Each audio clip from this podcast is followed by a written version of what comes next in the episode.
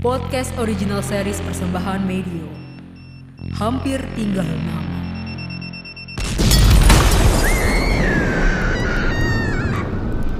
Saat mereka bisa selamat.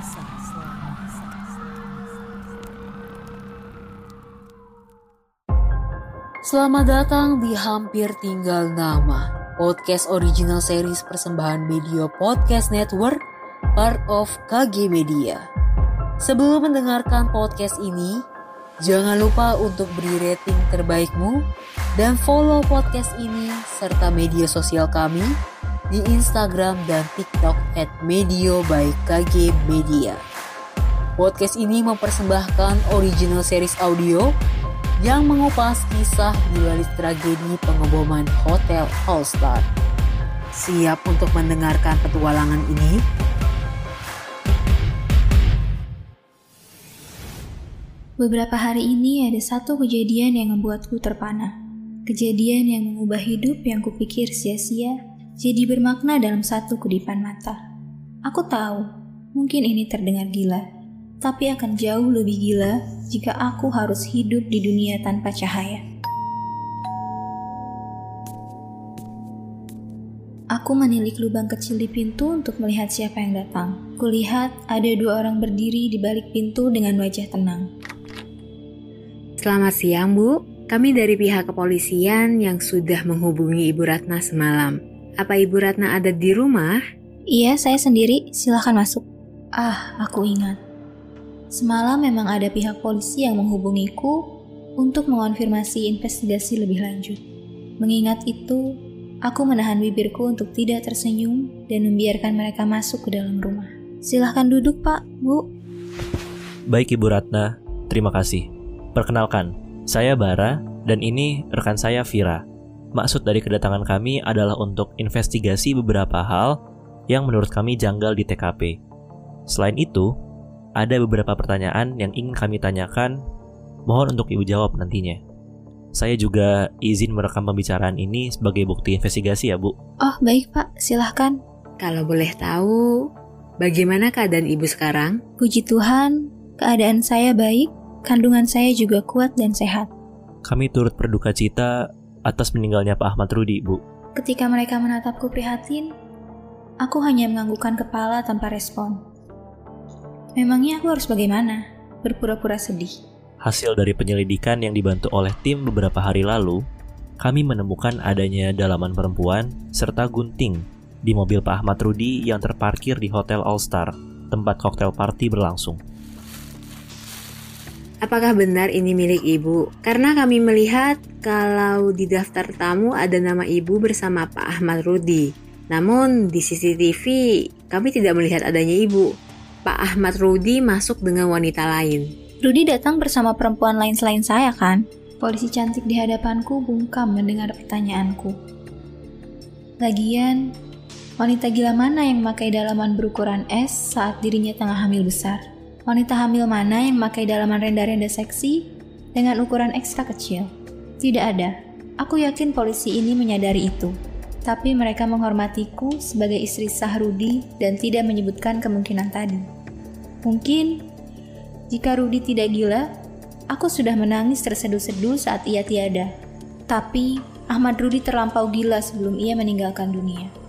Kejadian berawal pada enam jam sebelum tahun baru. Rudi mengajakku menghadiri acara cocktail party untuk menambah relasi.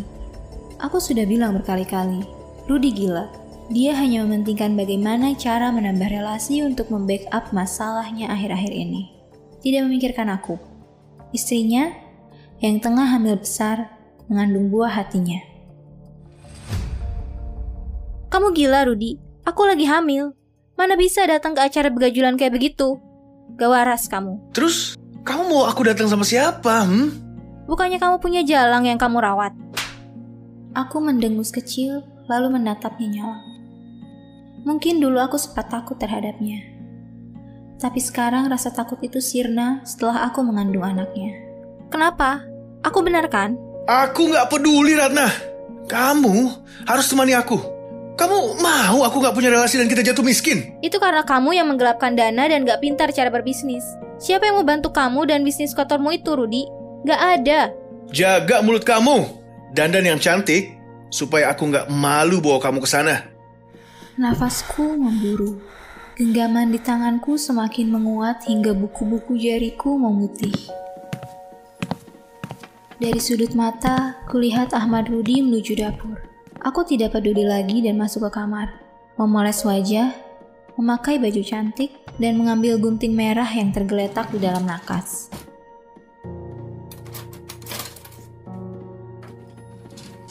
Gunting ini seperti perisai yang selalu ada untuk melindungiku. Gunting yang selalu kubawa ke mana-mana untuk melindungi buah hati yang sedang kukandung.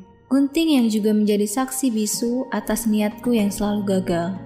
Gunting kesayangan yang bisa melindungi janinku, yaitu membunuh Rudi, suami yang lebih memilih tidur dengan selingkuhannya dan lupa akan buah hatinya. Suami yang sudah bermain di belakangku selama dua tahun demi merawat para wanita simpanannya. Aku selalu membayangkan bagaimana rasanya ketika melihat Rudi mati. Bagaimana jika Rudi mati? Apakah aku akhirnya akan bahagia? Ratna, cepat! Tanpa pikir panjang, aku menyimpan gunting merah ini ke dalam tas kecil yang kubawa. Lalu menghampiri Rudi yang melihatku datar tanpa memuji tampilanku malam ini.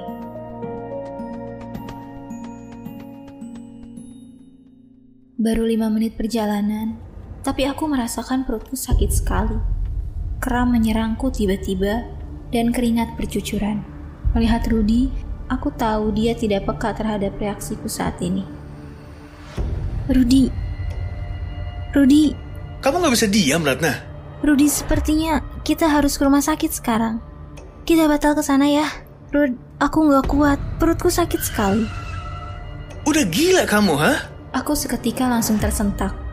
Omongannya, benarkah dia manusia? Ke mana hati nuraninya? Ayo Rud, putar balik mobilnya. Kita ke rumah sakit sekarang. Enggak, kamu yang naik taksi aja. Aku pesankan. Rud, udah gila kamu. Kamu yang gila. Nggak mungkin aku batalin ke sana. Di mana otak kamu? Aku ke sana untuk cari relasi. Supaya kita tetap aman ke depannya. Supaya aku nggak di penjara. Dan kamu masih bisa nikmati hartaku. Kamu harusnya mikir. Memang benar ya, harusnya aku bawa Ica daripada kamu. Ica adalah simpanan Rudi. Dan bisa-bisanya dia membandingkanku dengan wanita jalang itu. Gak waras kamu, Rud. Aku turun sekarang. Aku sudah tidak punya tenaga mendengar omong kosong Rudi. Tanpa pamit, aku keluar dari mobilnya. Rudi pun juga langsung menjalankan mobil tanpa mengatakan apa pun. Sambil menahan lara, aku menghadang taksi yang lewat dan masuk sambil memegangi perutku. Hatiku bergemuruh hebat. Ditambah perut yang semakin terasa sakit, membuatku terus berdoa. Aku ingin bayiku dan aku selamat. Aku ingin kita selamat. Kalimat itu terus kuucap di dalam hati sampai tanpa sadar, pandanganku jadi gelap. Ibu bisa dengar saya? Buram. Aku melihat lampu putih dan benda-benda berwarna biru langit di sekitarku. Bau karbol menguar pekat, membuatku seketika sadar di mana aku sekarang. Ibu bagaimana? Bisa dengar saya sekarang? Kuanggukan kepala tanpa mengatakan apa-apa. Perutku sudah tidak merasakan kram berat seperti tadi. Dan di hadapanku sekarang ada wanita dengan jas putih yang kuketahui adalah dokter. Apakah ada yang sakit, Bu? Aku menggeleng. Jika ada yang sakit, tolong bilang ya Bu. Alhamdulillah keadaan Ibu dan janin di dalam kandungan baik-baik saja dan janin sehat. Tapi untuk ke depannya, mohon untuk tidak stres dan kecapean. Kram tadi pertanda karena anak Ibu tahu kalau ibunya sedang mengalami stres. Apakah ini tanda saya akan melahirkan, dok? Kapan lahirannya, dok? Mungkin setelah ini dokter kandungan akan datang. Untuk sekarang, saya hanya bisa bilang keadaan janin sangat sehat. Tapi ini benar tidak apa-apa kan, dok? Kulihat dokter ini tersenyum hangat. Tidak apa-apa, Bu. Ibu istirahat saja ya. Jika ada keperluan lain, bisa pencet bel di samping. Terima kasih, dok. Sama-sama, Ibu. Saya permisi. Setelah dokter itu pergi, seorang perawat muda mendatangiku. Ia mengulurkan benda persegi panjang yang tertinggal di tas, ponselku. Permisi Bu Ratna, sejak tadi ponselnya berdering terus. Mungkin ada telepon penting. Silakan Bu. Oh, terima kasih, Sus. Baik, sama-sama Bu. Saat perawat itu pergi, Aku melihat ada 15 telepon masuk dari nomor telepon, bukan nomor handphone. Telepon itu masuk tiap 5 menit sekali, dan aku tidak tahu dari siapa. Lagi-lagi dari nomor yang sama. Tanpa pikir panjang, aku menerima telepon itu. Halo? Halo? Selamat malam. Iya, halo. Saya Bara dari Kepolisian Jakarta. Apakah benar ini nomor telepon Ibu Ratna? Iya, benar. Saya sendiri. Baik, Ibu. Kami ingin mengabarkan bahwa suami Ibu, Ahmad Rudi, telah meninggal dalam pengeboman satu jam yang lalu di Hotel All Star. Dari daftar tamu, Ibu salah satu korban selamat dari tragedi ini. Rudi meninggal? Suamiku Rudi? Halo? Bu Ratna? Halo, Ibu? Apakah Ibu masih terhubung? Ah, iya, iya. Kami mengucapkan turut berduka cita ya, Bu. Mungkin ke depannya kami akan menanyakan satu dua hal kepada Ibu untuk keperluan investigasi. Apakah Ibu bersedia? Iya, Pak. Saya bersedia. Baik kalau begitu Ibu Ratna. Terima kasih dan selamat malam. Iya, selamat malam. Dan itu awal pembicaraan dengan pihak polisi sebelum penyataan membawaku sadar bahwa Rudi memang sudah meninggalkan dunia ini untuk selama-lamanya. Setelah beberapa hari aku dirawat di rumah sakit dan pulih, di sinilah polisi berada. Di rumahku. Ah, atau bisa dibilang rumah Ahmad Rudi.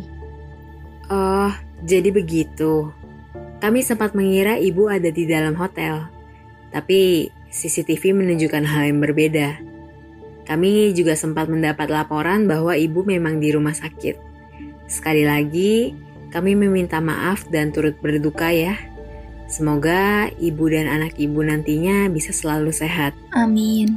Terima kasih Bu atas doa serta ucapannya. Kalau begitu, cukup sampai di sini saja. Kami akhiri dan tutup investigasi ini. Terima kasih atas kerjasamanya, Bu Ratna. Sama-sama Pak, Bu. Aku mengantar mereka sampai ke pintu. Setitik ekspresi kasihan tercetak jelas di wajah polisi bernama Vira itu. Permisi Bu, mari. Aku mengulas senyum tipis, lalu mereka berjalan pergi. Seharusnya mereka tidak perlu menatapku kasihan. Kepergian Rudi adalah sebuah berkah, buah manis dari rasa sakitku selama ini. Mereka yang lihat mungkin akan mengasihaniku. Kehilangan Rudi saat hamil besar tentu sulit. Tapi mereka salah. Aku justru sangat bahagia.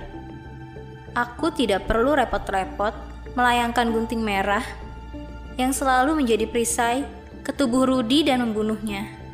Aku tidak perlu mengotori tanganku hanya untuk Rudi yang tidak punya hati. Dan yang paling penting, aku bisa hidup bebas. Jika dipikir-pikir, bukankah seperti ini cara semesta bekerja? Di tengah musim yang hangat, ada satu malaikat berada di kapanku. Malaikat yang selama sembilan bulan ada di kandungan, tengah menangis kecil karena lapar. Aku menatapnya penuh sayang dan mengusapnya penuh cinta. Mari kita bahagia ya nak. Kamu aman bersama bunda.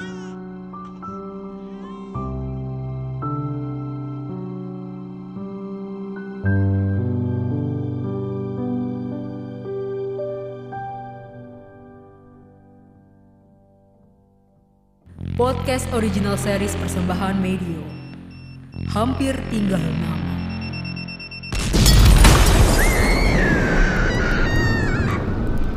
Saat mereka bisa selamat.